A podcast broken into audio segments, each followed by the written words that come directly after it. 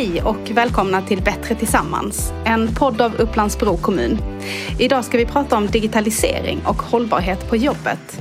Gustav Josefsson Tada är här och berättar vilka möjligheter och utmaningar som digitaliseringen innebär för oss som medarbetare. Han jobbar bland annat med organisationsutveckling och beskriver sig som entreprenör, föreläsare och futurist. Vad det innebär kommer ni få höra mer om alldeles strax. Men först så vill jag säga hej till dig Ida Texell, kommundirektör i Upplandsbro. Du är ju med på länk idag passande nog och eh, den pågående coronakrisen har ju gjort användandet av digitala verktyg mer aktuellt än någonsin. Vad tar vi med oss av detta in i framtiden tror du? Digitaliseringen tror jag innebär väldigt mycket möjligheter för människor att eh, mötas och träffas. I påskas så genomförde vi i Upplandsbro videosamtal där äldre kunde få möta sina familjer och sina anhöriga över video på datorn. Och det var väldigt bra för då kunde de ges möjlighet att ses under de här tiderna. Och det var väldigt uppskattat. En annan del som jag tänker om digitaliseringen är om information och undervisning. Och under den här tiden har vi i Upplandsbro på gymnasieskolorna och på VUX genomfört distansundervisning. Det har också öppnat en hel palett av nya möjligheter för elever och lärare att mötas inom kunskapsområdet. Så det har också varit väldigt viktigt och jag tycker de två är två goda exempel på hur digitaliseringen ger nya möjligheter för människor i att både mötas och dela information. Då tar vi och lyssnar på Gustav Josefsson Tadas tankar om vad digitaliseringen innebär.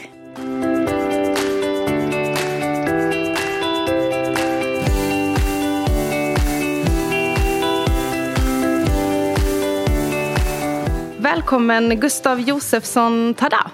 Tack så mycket. Hur är läget? Det är bara bra. Fint kul. att vara här. Ja, kul att ha dig här. Ehm, du är ju en massa saker. Entreprenör, föreläsare, eh, futurist beskriver du dig också som. Vad betyder det?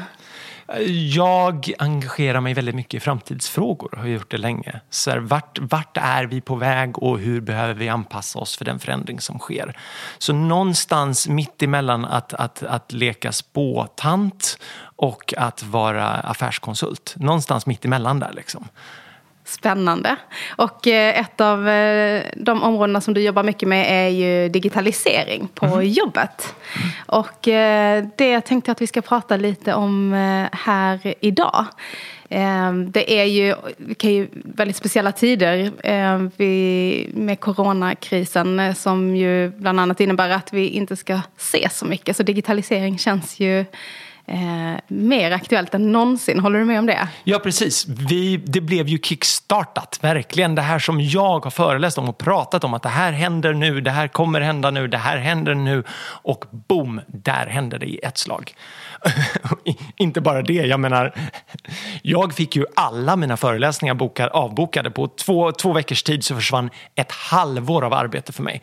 Så att det här att jag har varit runt i tio år här och föreläst om att vi, bransch efter bransch kommer att digitaliseras och det kommer påverka alla. Och så boom händer det mig också. Så nu måste jag flytta ut på nätet också. Just det. Och du har hållit eh, åtminstone någon föreläsning då? Nej, men jag, jag, håller, jag har tagit fram interaktiv interaktiva digitala föreläsningsformat och så håller jag online-workshops där jag jobbar med interaktivitet. Och, och så här, hur kan vi använda de digitala verktygen så att det blir ännu bättre än att göra det i det fysiska rummet. Inte så där, hur försöker vi upprätthålla samma sak som vi gjorde innan, utan ta den chansen att så här, okej, okay, hur kan vi se det som en fördel att alla som är med sitter framför varsin dator? Just det. ta tillvara på det. Ja. Um, och skulle du säga att vi är liksom beredda på det här? Är vi redo för detta? Ja, Alltså, jag menar, om det är något land i världen som är det så är det ju Sverige, för det första. Om vi sätter på, på skalan så är vi, vi ju redo. Sen så är det ju mycket, mycket av förändring handlar inte, kan, handlar inte om, om ja vi, ja, vi behöver utveckla mer kompetens, vi måste ha fler människor som måste lära sig fler saker. Men mycket handlar om att vi måste våga ta steget. Och när alla vågar ta steget tillsammans, då kan vi stötta varandra genom en transformation. Och, och, och rädsla är en stor källa av det som håller tillbaka sådana här förändringsprocesser som gör att det blir så mycket svårare och smärtsammare.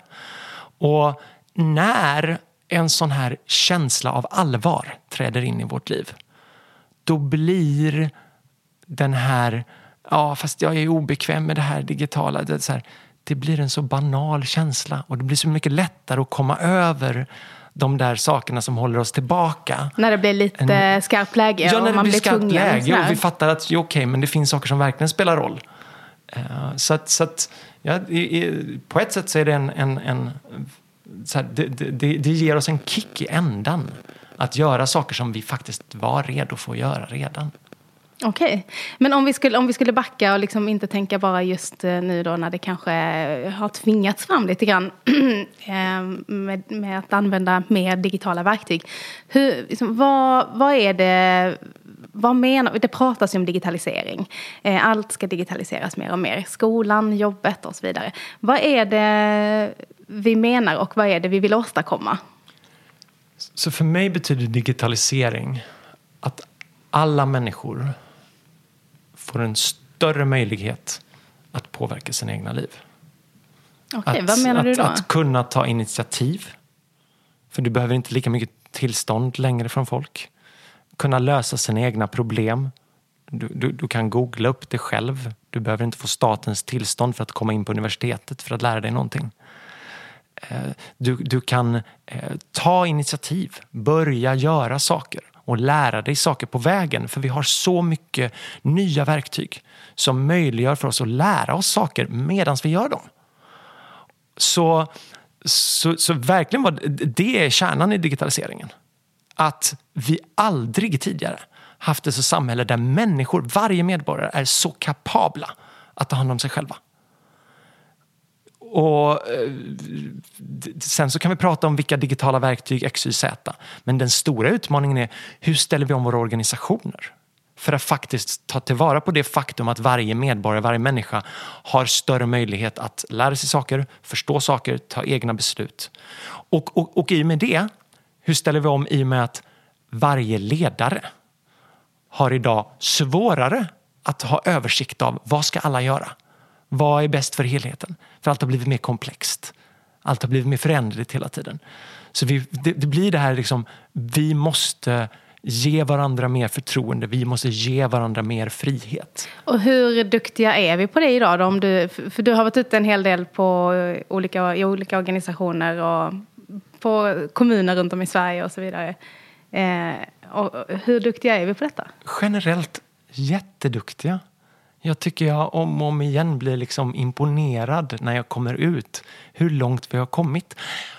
Och samtidigt så varje plats jag kommer till så finns det en jättestark känsla av att vi ligger efter. Det är bara det att det är ju ingen som ligger före. Okay. Alla går runt och känner att de ligger efter. Men det är nästan ingen som ligger före. Så, att, så, att, så att jag tycker vi ska vara snälla mot oss själva också. I, så här, vad duktiga vi är i att ta till oss nya sätt att arbeta. Att, att, att, att ställa om för att, för att mer lyfta, lyfta medarbetare, att kunna ta hand om, bättre ta hand om sig själva. Hur, hur vi pratar om både de mjuka frågorna kring arbetskultur, kring psykisk hälsa och stress och eh, till hur vi eh, testar nya digitala verktyg. Hur vi vågar experimentera på ett, på ett kul sätt där man får göra, ah, nu har vi testat det här och nu gör vi den här grejen. Så att vi, är, vi är duktiga. Och det finns massa kvar att göra. Det finns massa kvar att göra. Um, men vad är det ehm, liksom folk eh, gärna vill lära sig mer av? Och liksom, vad är det vi känner att vi behöver hjälp med då? Nej, men, så, så mycket handlar ju om den här känslan av jag förstår inte det här, jag hänger inte riktigt med. Eh, det kommer 10 000 nya appar lanseras i månaden. Hur ska jag veta vilken jag ska använda? Ska, jag, ska, ska, vi, ska vi göra det här på, på Facebook nu? Nej, Facebook är ute, vi ska vara på Snapchat. Nej, Snapchat är ute, vi ska vara på TikTok. Nej, TikTok är ute, vi ska vara på... Ah, Aff, så här, vad det nu är. Och man tror, vi tror att vi ska vara med på det senaste och sådär. Ska vi inte det då? Det, det, ska vi, det ska vi också, men den, den är inte värd känslan av stress. Så, så, så mycket handlar om så här, hur kan vi vila i eh, den här brandslangen av information och valmöjligheter som sprutar i ansiktet varje dag. Och filtrera det och känna att så här, okay, men jag gör det som jag vet är viktigt. Och det handlar snarare om att jag måste veta vad som är viktigt. Okay. Och, och, och, det är intressant hur vi på, på 15 års tid eller något sånt där, 20 års tid, så har varenda stor organisation i hela världen skaffat sig så kallade värderingar. Du vet, de här tre till fem orden som, som eh, man trycker på eh, olika t-shirts och på väggen och kaffekoppar och eh, som ofta är sådär, man har tagit in en managementkonsult för att ta in tre till fem värderingar och så ska vi alla enas runt om och ingen känner egentligen någonting starkt känslomässigt för dem. Men vi har dem i alla fall. Liksom. Ja. Man, man, vi, vi, vi, tror på tillit och eh, ansvarsfullhet och på kreativitet eller innovation eller vad det nu är. Så här har man de här orden. Och en sak som jag tycker som jag har upptäckt är att det viktiga inte... Eller det, det, kan, det kan vara bra att vi vet vad vi värderar. Det är viktigt också. Men det spelar ingen roll om vi vet vad vi värderar om inte jag vet vad jag värderar. Vad menar du då? Om inte jag kan säga det här är mina värderingar och säga så här, men det här är vad jag står för, det här är vad som är viktigt för mig.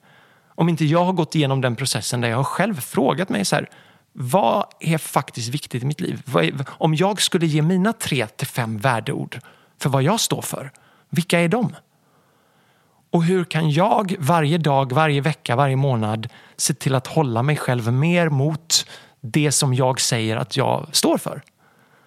För det är först när jag vet vad jag vill som det blir meningsfullt för oss att ha samtalet om vad vi vill tillsammans.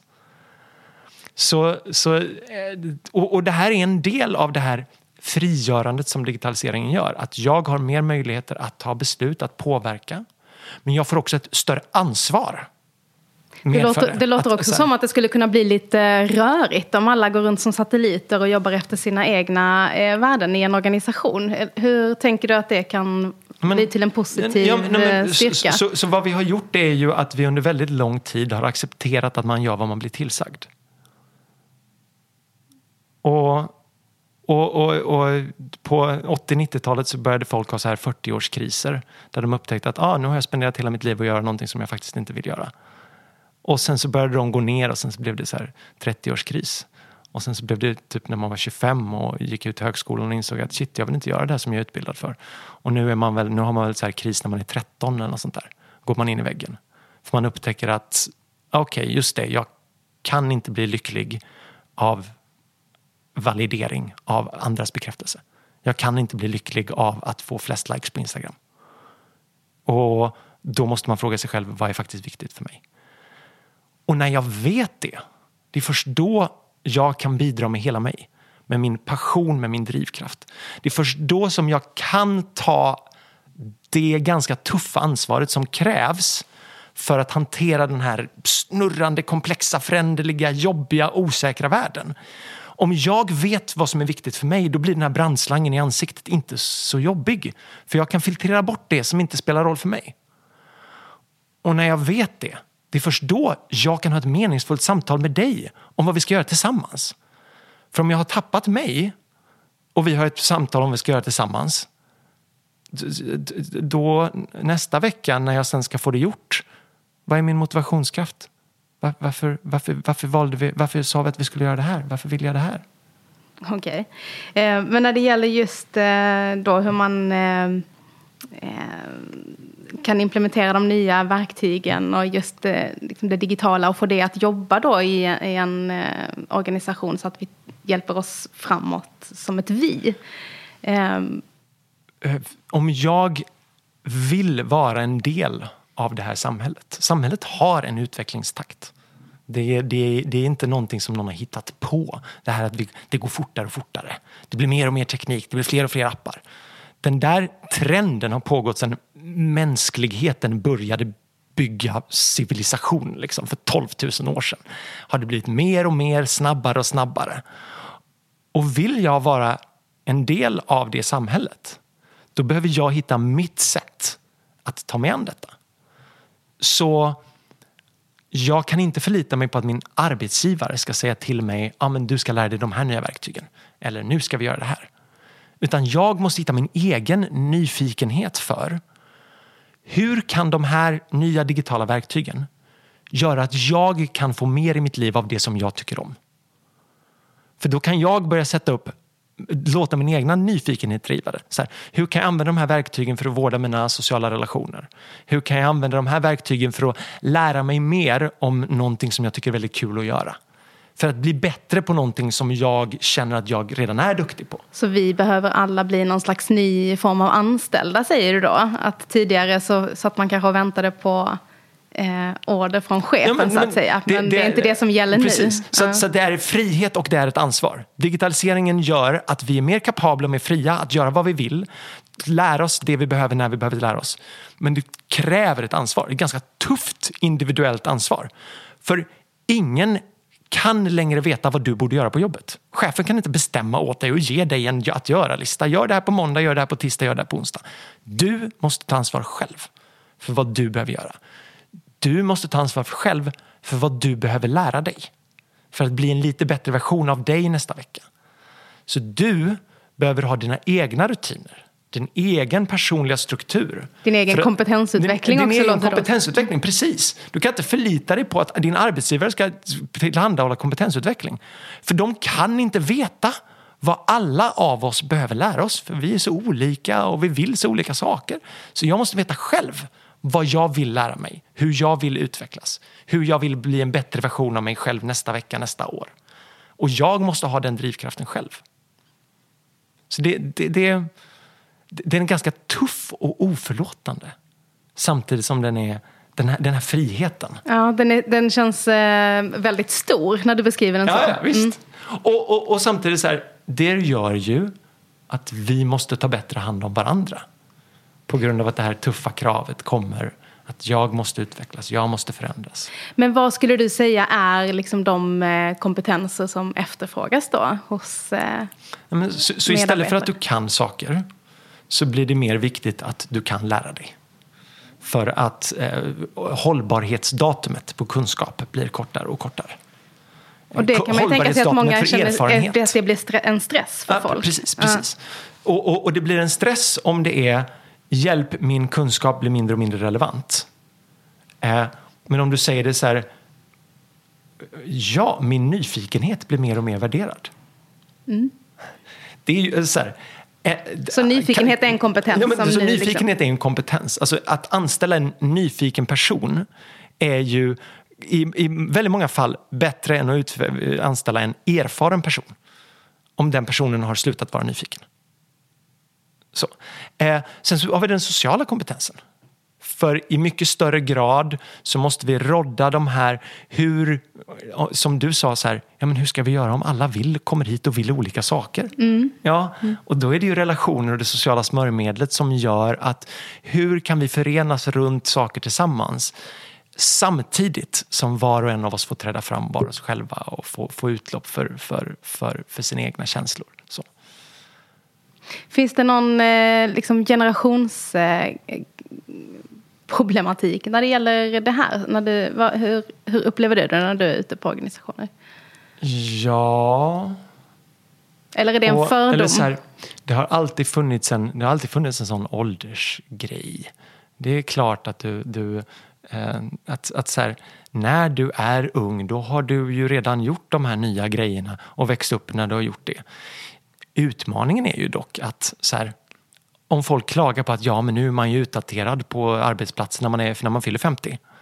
Ja, fast de som är 30 idag, de kommer vara utdaterade när de fyller 40. Så, så, här, så på det sättet kommer det gå längre ner i åldrarna, den här grejen att du är utdaterad. Såvida inte. Du lär dig igenom hela livet. Och så här, för annars är du bara utdaterad när din generation blir utdaterad. Men vissa människor fortsätter växa genom hela livet. Och det finns mängder av exempel på människor i alla åldrar som är nyfikna. Som fortsätter utvecklas, som fortsätter drömma, som fortsätter sätta mål. Som vill ha mer hela tiden. Och, och, och det finns, vi kan hitta till det. Och det kan man hitta till i vilken ålder man är. Man kan komma undan med att inte vara nyfiken när man är 25 för man får jobb ändå. Är det så? Nej, men, li, nej, nej, just 25, nu är det ju svårt för unga att få jobb. Men, men, men så här, man kan komma undan mycket längre med att inte ha den egna drivkraften och inte ha den egna nyfikenheten. Men det blir tydligare när man blir äldre. Mm. Att om du inte har motorn och drivkraften och nyfikenheten och vilja lära dig. Då, då blir det svårare att bara hänga med. Nu, eh, intressant. Nu har du pratat en del eh, liksom, på ett ganska liksom, övergripande plan vad det så här, mm. digitaliseringen har spelat för roll på ett, ett sam, en samhällsnivå och hur det tricklar ner liksom, i, på många av våra arbetsplatser. Men om man skulle prata om liksom, verktygen och så, för du, du jobbar ju en del med det också. Um, vad, liksom, till exempel eh, om vi ska gå tillbaka till just den här tiden vi befinner oss i nu då, när, när så, vi ska träffa så få människor som möjligt. Eh, att ställa sig framför en stor publik och hålla en föreläsning, det har ju sina utmaningar och eh, med, med scenskräck och allt vad man kan tänka sig och det är många ögon på en och så.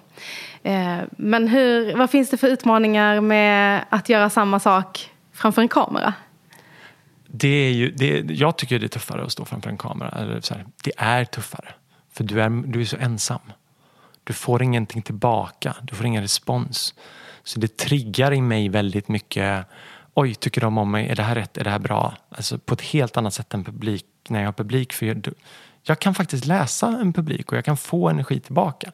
Det är klart man kan kliva upp och få, få scenskräck och så här, oj, oj, nu är det ingen som tycker om mig och det finns en sån så här också. Men när du har landat och har en publik, då får du ju energi att få tillbaka hela tiden. Och det kan vara otroligt ensamt att stå. Och det är inte bara föreläsningar, utan det är tyngre, emotionellt tyngre att ha de här videomötena som vi alla har flyttat till nu. Och det gör att det blir ännu viktigare att vi har bra processer för att se till att vi landar känslomässigt i våra möten. Men har du några tips? Så, liksom konkreta på... tips. Eh, det här gör jag alltid i fysiska möten, men det blir ännu viktigare digitalt. Och det är att alltid börja med en check-in och säga så här, hur känner du just nu?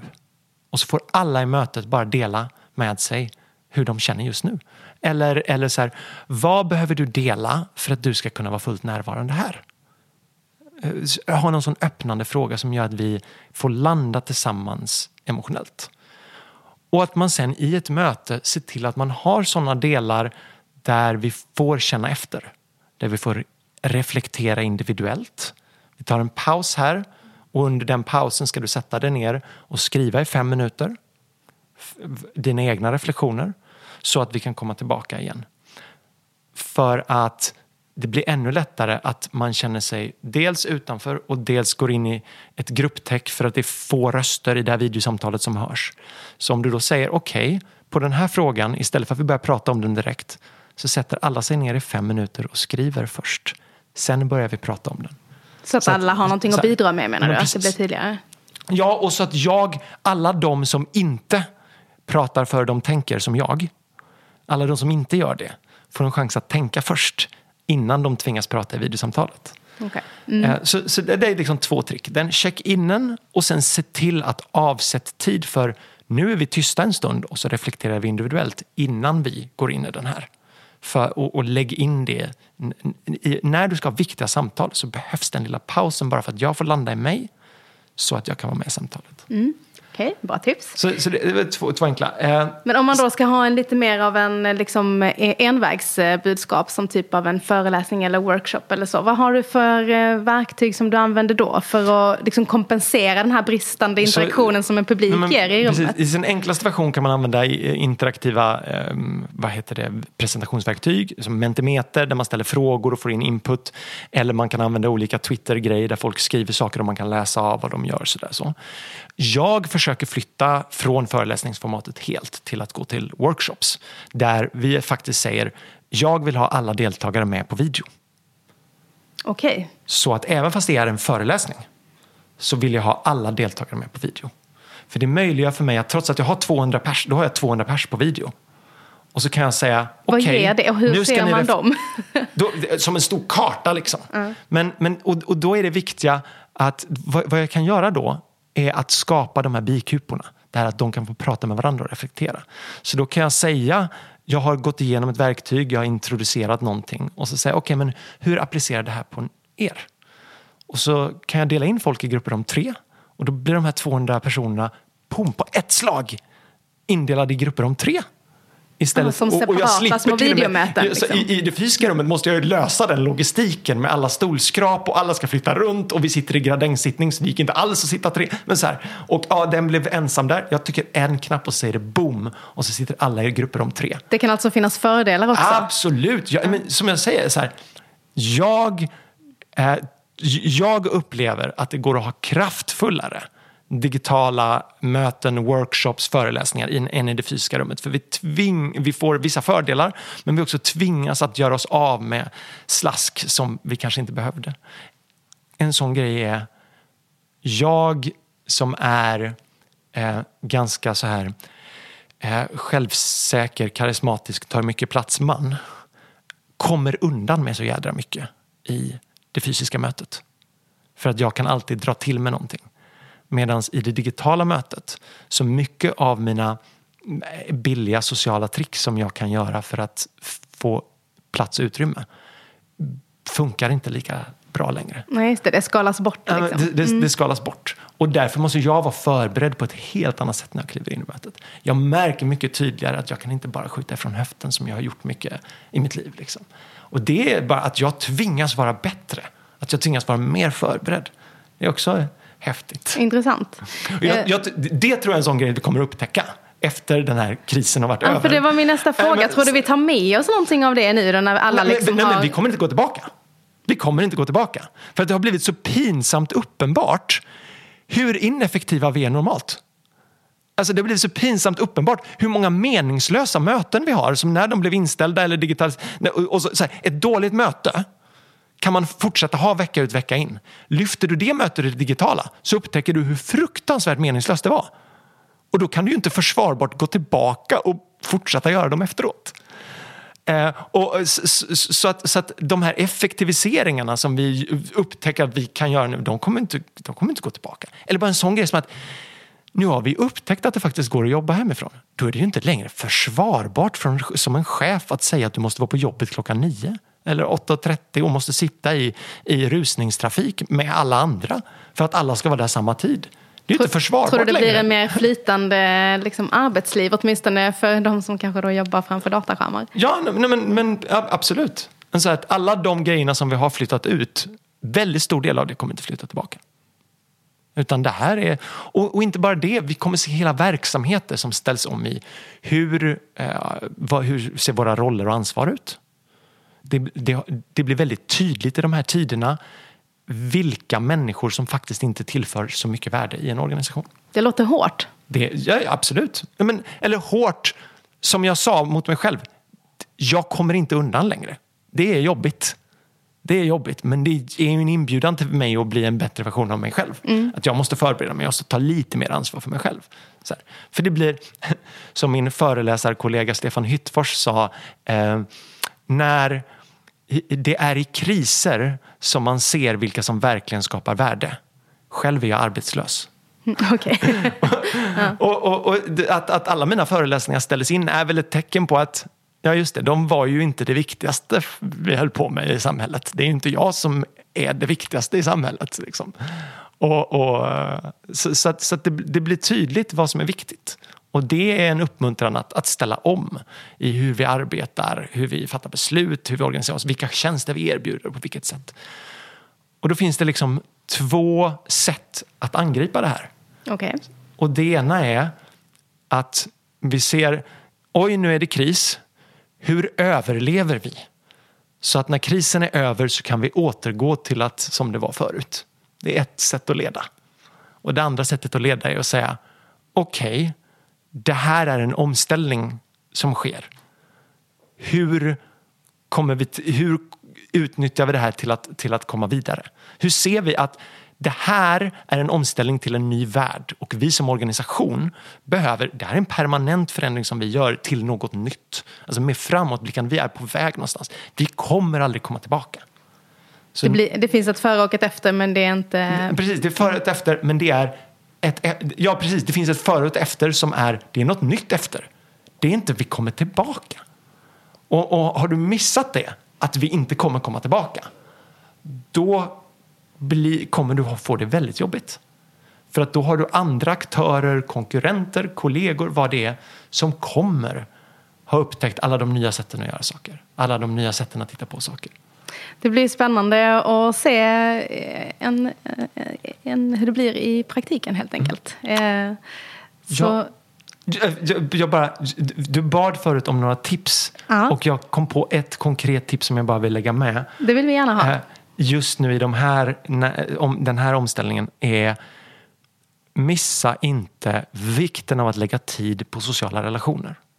Mycket av det sker automatiskt när vi samlas kring kaffeapparaten, vid fikan, eh, man har eh, bandygänget efter med jobbet, eller vad det nu är. Liksom. Vi har alla de där. Och det är väldigt lätt att i kaoset, omställningen till det digitala och sitta hemma, att glömma dem. Då kommer det bli det blir jädrigt jobbigt för dig och för dem runt dig. Och för, det blir svårt att komma till ett möte och få saker gjorda när jag inte längre känner samma sociala anknytning. Men visst det, har det börjat ploppa upp lite mer så här virtuella ja, kafferep? Liksom. Vi, gå, på, gå på virtuellt kafferep. Ja. Gå på virtuell after work ja. var jag på häromveckan. Liksom. Var du det? Ja, ja. Vad så, gjorde ni då? Berätta men, hur det gick så, till. Så, men bara att vi hängde och, och, och, tog ett glas och bara snackade skit i ett stort möte. Liksom. Eh, eller quiztävling online, man, man sitter i, i sådär. Så, så eh, det här att, att ta, och, och, inte bara de grejerna, utan en sån grej som att här, ta tiden att höra av dig till folk. Avsätt tid för att höra av dig till folk och fråga hur det är med dem. För att när ni inte stöter på varandra vid kaffeapparaten så, det, så blir den där att vi tar hand om varandra, den, den behöver mer av en ansträngning. Vi-känslan helt enkelt. Vi-känslan. Ja. Så, så prioritera tid i ditt schema på att vårda sociala relationer. Via ring ett samtal, ha ett kaffe, digitalt kafferep, vad det nu är. Men lämna plats för det sociala. Fint. Det, det tar vi verkligen med oss. Eh, men då eh, kanske vi ska säga så. Mm. Ja. Stort tack för att du kom hit och pratade lite om detta. Tack för att jag fick vara med.